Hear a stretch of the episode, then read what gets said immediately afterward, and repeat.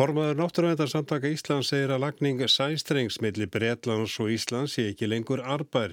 Vindorka sé orðin svo ódýr í Breitlandi að raforka hérdan um sæstreng sé ekki lengur samkjörnishæf. Átækjum um þriðja orkupakkan snúast meðal annars um það hvort Íslandi geti ekki staði í vegi fyrir því að hinga verði lagðu sæstrengur. Anstæðingar hans að halda þessu fram en fjölmarki fræði menni segja að Það ekki á raukum reist, ekki sé orðum það í sjálfri tilskipunni. Einnig að það sé alltaf á valdi Íslenska ríkisins að ákveða hvort strengur verður lagður inn í landhelgina. Þeir sem er á móti virast telja mikil ásóng sé á halvu Európusambansins að komast í orkuna hér á landi. Hins vegar er alls ekki víst að svo sé. Orkuverð hefur lækkat halsverð til dæmis í Breitlandi og horfur á að með aukinni nýtingu vind og sólarorku geti Erópulöndin fullnægt orkuþörfsinni. Árni Finnsson, formaða náttúruvendarsamtaki Íslands, telur að sæstrengur sé ekki lengur hagkvæmur. Nei, öruglega ekki. Verðið frá orkuverðið frá vindmjölum í Breitlandi og Evrópu er komið þar langt niður. Í Breitlandi minni með að sé komið niður fyrir 60 pund á eh, megastundina og uh, orka hérðan allavegið mun tæpast borga sig. Nefnum að þó að bresk stjórnvöld niðugriði það, það er mjög ólíklegt, finnst mér að það, það verði.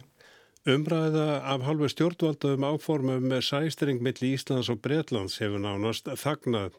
Hins vegar var talsveit rætt um þau frá 2012 til 2016. Skipar voru nefndir og áhugi var mikill af halvu breyta á að sæstrengur yrða veruleika.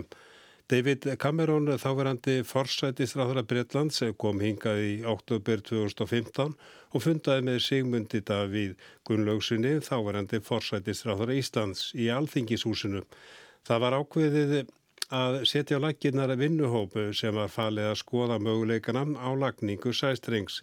Sigmundi Davíð lagði áherslu á að sæstrengur hefði ekki neikvæð áhrif hér á landi. Ekki að þetta leiði til hækkandi verðs á ramagni fyrir íslenskan almenning eða að við missum af atvinnutækifærum hér. En allt í lagi að skoða þetta með breytum, ég sað, saðist vera tilbúin til þess. Þetta var Sigmundur Davíð Gunnlaugsson í háti svettum 29. oktober 2015. Í skýslu sem landsvirkjum gaf út kom fram að með tilkomu sæstrengs myndir af orkuverð hækka.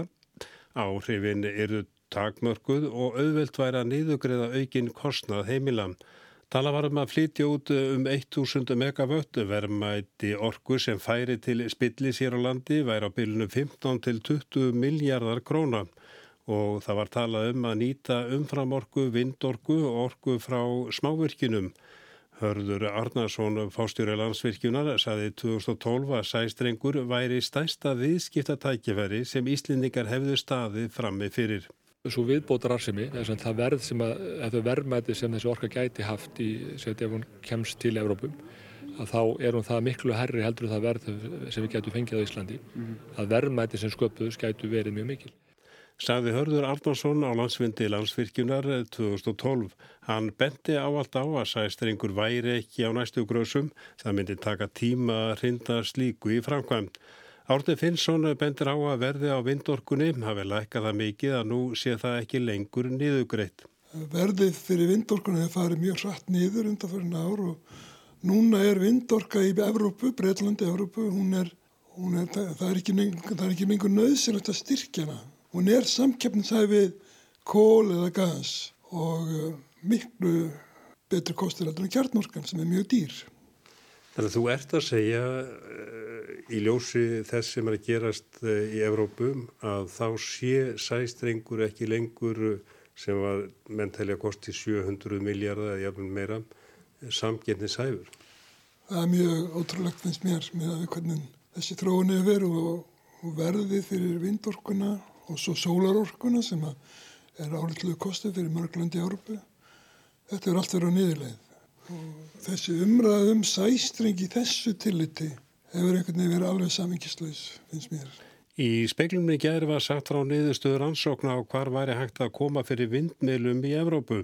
Skýslu höfndar telja aðstæður vera til að koma uppi 11 miljónum vindmiðlam. Orkan frá þeim er næði til að uppfylla orkuþörf alls heimsins. Þetta er reyndar kannski ekki raunhæft en undistrykar að miklu möguleikar felast í vindorkunni Orkuskiptin þróast hratt í Evrópu. Það verður að gera skrýðarlega breyting bæði við Evrópu. Kína er mjög langt fram með bæði með sólorku og vindorku. Gríðarlega fjárfestingar þar í landi í þessari endurni orku. Það er miklu, það er allt öðruvísi í bandaríkina sem eru þá frekar fyrirtækinn sem sjá hæsin í þessu en eh, stjórnvöldi í Washington eru, já, ég ekki maður að segja, þau eru bara einfallega ekki með, svo var það kurtislega. Og þessi breyting þarf að verða næstu 5-10 árum og hún er að gerast mér hratt.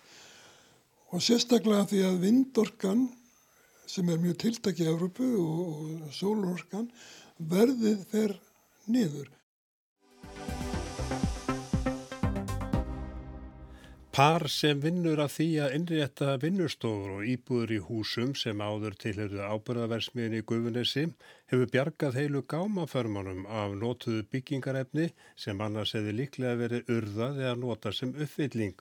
Óvisa ríkir um afdrifi byggingarúrgangs á Íslandi en ljóst er að miklur hend sem mætti nota. Frangatastjóri félagssamtakana Grætni byggðar segir mikla sóun viðgangast.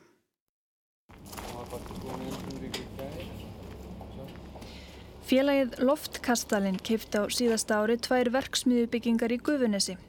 Í húsunum var meðalannars framleitt síra sem notuð var við ábyrðaframlistuna. Félagið hegst gefa húsunum nýtt líf, komaður upp þremur íbúðum, verkstæði, sal fyrir viðburði og vinnustofum fyrir listamenn. Listamadurinn Gottur hegst til dæmis vinnaðar og búa. Við hlið gömlu versmiðjuhúsanna á að rýsa nýbygging með enn fleiri íbúðum og vinnustofum. Borgin sér fyrir sér að Gufunesi breytist í kvikmyndaþorp, einhvers konar fríríki frumkvöðla. Þróunin er í rétta átt, fyrirtæki Baltasars Kormáks leikstjóra hefur til dæmis komið þar upp feiknastóru kvikmyndaveri. Loftkastalinn er vel tengdurinn í kvikmyndabransan, vinnur að ný smíði, nýsköpun og ímiskonar hönnun fyrir fyrirtæki á þessu sviði og hefur síðustu ár hannað Vagn Páls Óskars fyrir gleðugönguna. Það hálpartinn þyrmir yfirmann við að koma á svæðið og sjá alla gámana og stæðurnar bæði fyrir utan versmiðuhúsinn og inn í þeim. Margra metra staplar af timbri, laung steipujátn, rafmakstöblur, haugur af köplum, ringstígi í bútum, brunavatnakerfi, opnar, timbur, rennihurðir, steinull, já og vaskurinn sem Gottur var með í fyrri vistaverum sínu. Hann mætti lengi áfram telja. Það er allt smekkvöld, já. en það er farið að vinnast úr því þannig að það ringar til aftur segir Inga Lóa Guðjónsdóttir sem á Loftkastalan. Hún vonast til þess að geta komið þeim hluta efnisins sem stendur óvarinn í hús áður en haustlaðirnar taka skella á. Inga Lóa og maki hennar Hilmar Pál Jóhannesson hafa verið að sanga sér efninu í eitt og hálft ár, en hvers vegna? Það, það bara hefur verið svona okkar ástríða að, að sapna efni höfum fengið tækifæri til þess gegnum góða aðila sem að eru Vork North og, og S2 Norður og, og Center Hotel svo ég nefni einhverja og fengið tækifæri til þess að nýta efni úr húsum sem verið er að rýfa. Þau hafa meðalans fengið að nýta efni úr híðinshúsi þar sem þau voru áður með verkstæði. Vinafólk hefur líka hjálpað, þannig fenguð þau ringstiga úr gamla Arjónbanka í gegnum starfsmann sem yngalóa þekkir og þeim voru bóðnur og búinir til að láta okkur hafa í staði fyrir að láta stigan fara á sorpu. Eitt af því sem vekur aðtökla á lóðinni er fjöldi bretta með rauðum múrsteinum. Þeir eru mertir sementsversmiðunni á Akranesi sem hætti starfsemi fyrir tæpum áratug. Inga og Hilmar fengu 50 tonn gefins, öðru eins var að þeirra sögn hent. Þau segja að það hefði líklega verið auðveldar að nota nýtt efni í framkvæmdirnar en eru spennt fyrir áskoruninni sem fælsti því að endur nýta og ofbýður sóunin. Þau telja viðbótar vinnun að hafa sparað sér 20 miljóna en segjast líka bara hrifin af notuðum efnum. Finnst gömul og vönduð gólvefni og gamlir pottopnar með rósettum gera mikið fyrir heildar Þau ætla líka að halda í hluta sögu versmiðunar, stigar utan á húsinu eiga að fá að vera og þá að halda upp á skjál sem Inga fann inn í húsinu. Tilmæli yfirmanna ábyrðaversmiðunar til starfsmanna sem skrifið voru stuttu eftir að bjórbannið var afnumið 1989. Þar kemur fram að bjór sé áfengur drikkur og ekki leifilegt að neyta hans við vinnu. Ingu og Hilmari hefur gengið vel að sapna efni. Þau þurfi ekki að kaupa múrsteina dýrum dómi eru með nóg af steinull til að einangra allt húsið heilt brunavatnakerfi fyrir 1500 fermetra og ramaskerfi. En getur hver sem er fengið gefins byggingarefni úr húsum sem er verið að rýfa? Inga Ló er ekki viss. Ég held að fólk bara hafi ekki tækifæri til þess að, að ná þeim. Yfirleitt hraðin á að, að rýfa niður hús er, er það mikill. Það hafi skipt sköpum fyrir þau að hafa sambönd við Ímis fyrirtæki. Þórhildur Fjóla Kristjánsdóttir, framkvæmdastjóri félagsamtakana Grætni byggðar, er hrifin af framtaki Ingo og Hilmars. Að núna sjáum við í dag það verið að rýfa sko, byggingar, það verið að rýfa nýlaðar innrettingar, við myndum sjá miklu meiri sko, svo, hérna, áherslu á endur nýtingu byggingarefna. Við vitum, taldum við núna erum við með rannsóknarverkefni í varandi byggingarúrgang og það er verið að henda alveg gríðalögu magni af efni sem væri alveg hægt að nota aftur en það vantar farveg fyrir þetta efni. Grætni byggð hefur lagt til að úttækt veri gerð á húsum sem þarf að rýfa, lagt mat á hvað megin út áfram og þau efni fjarlæður húsinu áður en gröfunar koma og tæta allt í sundur. Verkfræðistofan Ebla vann kortlagningu á umfangi byggingaúrgangs á Íslandi fyrir grætni byggð og liggja drög að loka skýslu fyrir. Með byggingaúrgangi er átt við malbygg, steipu, timbur, gler, málma, einangrunrefni og gifs. Samkvæmt tölum umhverjastofnunar fjallu til 60.000 tonna þessu árið 2017 og megin þorrið þess efnis var endur nýttur. Það þýðir ekki endilega unnin hafi verið úr því ný vara. Algengast er að byggingarefni sé nýtt við gerði landfyllinga. 12% alls efnisins voru svo urðuð á sorphugum. Höfundur skýslunar segir að út frá tölum sem umhverjastofnun fær frá rekstraræðalum megi áætla að byggingaúrgangur sé um 3-5% af heildarmagni úrgangs á landinu. Í Evrópusambandinu er hlutfallið 25-30%. Höfundur segir að hlutdelt byggingaúrgangs af heildarmagni úrgangs á Íslandi sé líklega van áætluð. Nokkuð sé um að byggingaúrgangur sé ránt skráður eða ekki skráður yfir leitt, kannski bara urðaður eða notaður sem landfylling á framkvæmdastað. Ekki sé þó eftir fullirðum hvort hlutfallið sé svipað og í Evrópusambandinu. Höfundur segir skýsluna gefa ákveðna yfirsín. Þórhildur hjá Grænni byggð segir slíka yfirsín einmitt hafa skort. Við vitum ekki hversu mikið endi á haugunum. Mestur úrgangur fellur til þegar hús eru rifin. Í skýsludrögum eblu segir að þá falli til um 500 til 3800 kíló á hvern fermetra, allt eftir gerð byggingana. Minna fellur til þegar byggður eru nýhús eða við viðhald á eldri húsum. Í skýslunni er farið yfir örlug helstu byggingarefna eftir komuna á mótökustuð. Steipa, múrsteinar, flísar og keramikefni eru nýtt sem fyllingarefni eða urðuð. Málmar eru flokkaðir og sendir úr landi til endurvinnslu. Gifs er urðað. Einungrunarefni eru urðuð. Það er misjamt eftir mótökustöðum hvað er gert við blandaðan úrgang. Sumstaðar er reynda flokkan, annar staðar er hann urðaður. Ómálað timbur er notaðist að kóla í játblendiversmiðu eða nýtt í jarðgerð og málað timbur er tætt og urðað eða nýtt sem yfirlaga úr uslahugum. Arnildur Haldunadóttir tók saman. Fiskeldi í sjó er fyrirferðað mikið úti fyrir ströndum Skotland sem mikið að því er í eigu norskra fyrirtækja sem get ekki lengur stækka þeima fyrir og leita í góð skilirið við strendu Skotlands. Nú síðast hafa áallanir norska fyrirtæki sín sem áví um stæstu sjókvíjar í Skotlandi, ítt undir umræðuna um kosti og galla eldisins. National Trust for Scotland, stæstu umhverju samtök Skotlands, er ósátt við kvíjarnar sem yrðu undan eigu eigu samtakana. Hjá þeim fáu fisksölum sem er að finna í London er yfirleitt frábært úrval af fjölbreyttu og gyrnilegu sjávarfangi Laxinn og mest af skellfiskinum kemur úr skosku fiskeldi, allt makalust færst og fallegt. En í skoskum sjávarbyggðum er tekist á um fiskeldið, um staðsetningu sjávarkvíja, áhrifin á vistkerfi hafsins, á viltalaxin, erðablöndun og laxalús. Allt kljómar þetta kunnulega í íslensku meirum. Einnig kunnulegt að fiskeldi í Skotlandi þennst út vegna fjárfestinga norskra fyrirtækja. Norst fiskeldi er orðið svo umfangsmikið heimaferir að það er erfitt að færa þar út kvíarnar í orsins fylstu merkingu. Og í Skotlandi eru sömu vangaveltur á Íslandi, það er hvort norsk fyrirtæki leiti til Skotlands af því þar sé minna eftirlit en í Noregi. Skoska stjórnin hefur markað fiskaldistefnu fram til 2030, stefnir á að hagnaður af greininni og starfsmenninni tvöfaldist á þessum tíma. Lagseldi er fyrirferðamest í viðbót við sjóbyrting og skjálfisk. Fiskeldi var til dæmis rætt á skoska þinginu nú í februar á vegum dreifbílisnefndar þingsins. Þar kom meðal annars fram að þó nefndin viðurkendi mikilvægi lagseldis fyrir Skotland þyrta herða reglur í þessum efnum, líka til að ebla trú neytenda á skoska lagsinum sem gæðavöru. Stránga reglur væri því líka í þáu framleðenda.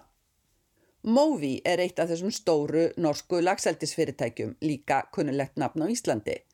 Movi hefur nú sótt um leifi til að setja upp risa sjókvíjar rétt við Kanna, eina eiguna úti fyrir vestuströnd Skotlands. Stefnir á 2500 tonn af lagsi í vistvænu eldi. Á móti hyggst Movi loka tveimur öðrum eldistöðum sínum sem hafa sætt gaggrinni fyrir að brjóta skilirði umhverfis yfirvalda. National Trust for Scotland eru félagasamtök sem einbeita sér að umhverfis og byggðavernd. Samtökin eiga og reka landsvæði og fjölda merkra bygginga í Skotlandi. Eian Kanna hefur verið í eigu National Trust síðan 1981 og hún var gefin samtökunum. Þau hafa nú sendt skoskum yfirvöldum álit sitt á nýju kvíunum. Í samtal við speilin sæði Stuart Brooks sem stýrir umhverfisvend á vegum samtakana að þau tækju mið af stefnu skosku stjórnarnar varðandi fiskaldi og væri ekki mótfallin eldinu sem slíku Spurningin væri um framkvæmt og staðsetningu. Varðandi áallinir móvís, sæði Brooks, samtökinn telja að ekki virtist vænlegt að koma upp kvíum á jæðri hafsvæðis sem sætti þegar margvíslegri vernd. Samtökinn óttast áhrifið á vistkerfi þarna meðal annars að nýju kvíjarnar gætu dreift lagsalús á stort svæði í námynda við lagsveiði ár. Einni væri þetta mjög fallegt svæði sem laðaði að vaksandi fjöldaferðamanna og ferðarþjónustan þarna mjög í þróun líkt og almennt í Skotlandi. Brooks benti einnig á að Movi myndi þurfa umsvifa svæði á landi sem eru þá að kanna sem landegendum liti samtökunum ekki á að leggja land undir þau umsvif líkt og samtökin hafa þegar reyfað í umsöksinni til yfirvalda. Það búa aðeins átján manns á kanna Móvi býður bæði innviða uppbyggingu og vinnu en þyrti líklega einni að flytja inn vinnuafl. Brooks sagði að þarna tækjust á skamtíma tilbúðum vinnu og svo langtíma uppbygging ferðarþjónustunar. Íbúar á nágranna eiginu Egg hafa þegar hafnað umleitun um eldiskvíjar við þá eigu. Eigarskeggjar töldu lagseldi stangast á við gildi og ímynd eigunar sem óspilts svæðis og við allt sem svo ímynd fæli í sér til dæmis í þróun ferðarþjónustu. Brooks segir fiskeldi án efa af hennu góða hins vegar væri nöðsynlegt að kanna vistvætni eldistleiðir til dæmis í lokuðu kerfi þar sem úrgangur væri endurnýtur. Það væri vissulega dýrari leið en fjalli betur að umhverju sjónamöðum. Eldistlagsin á bóstólum hér í London og víðar heldur án efa áfram að koma frá Skotlandi en hugsanlega verða framlöslu skilirinn hert og það geti í raun gagnast bæði umhverfinu og lagseldisfyrirtækjunum gert lagsin að eftir sóttari vöru eins og heyra mátti í umræðum á skoska þinginu í vetur. Sigrún Davíðsdóttir saði frá.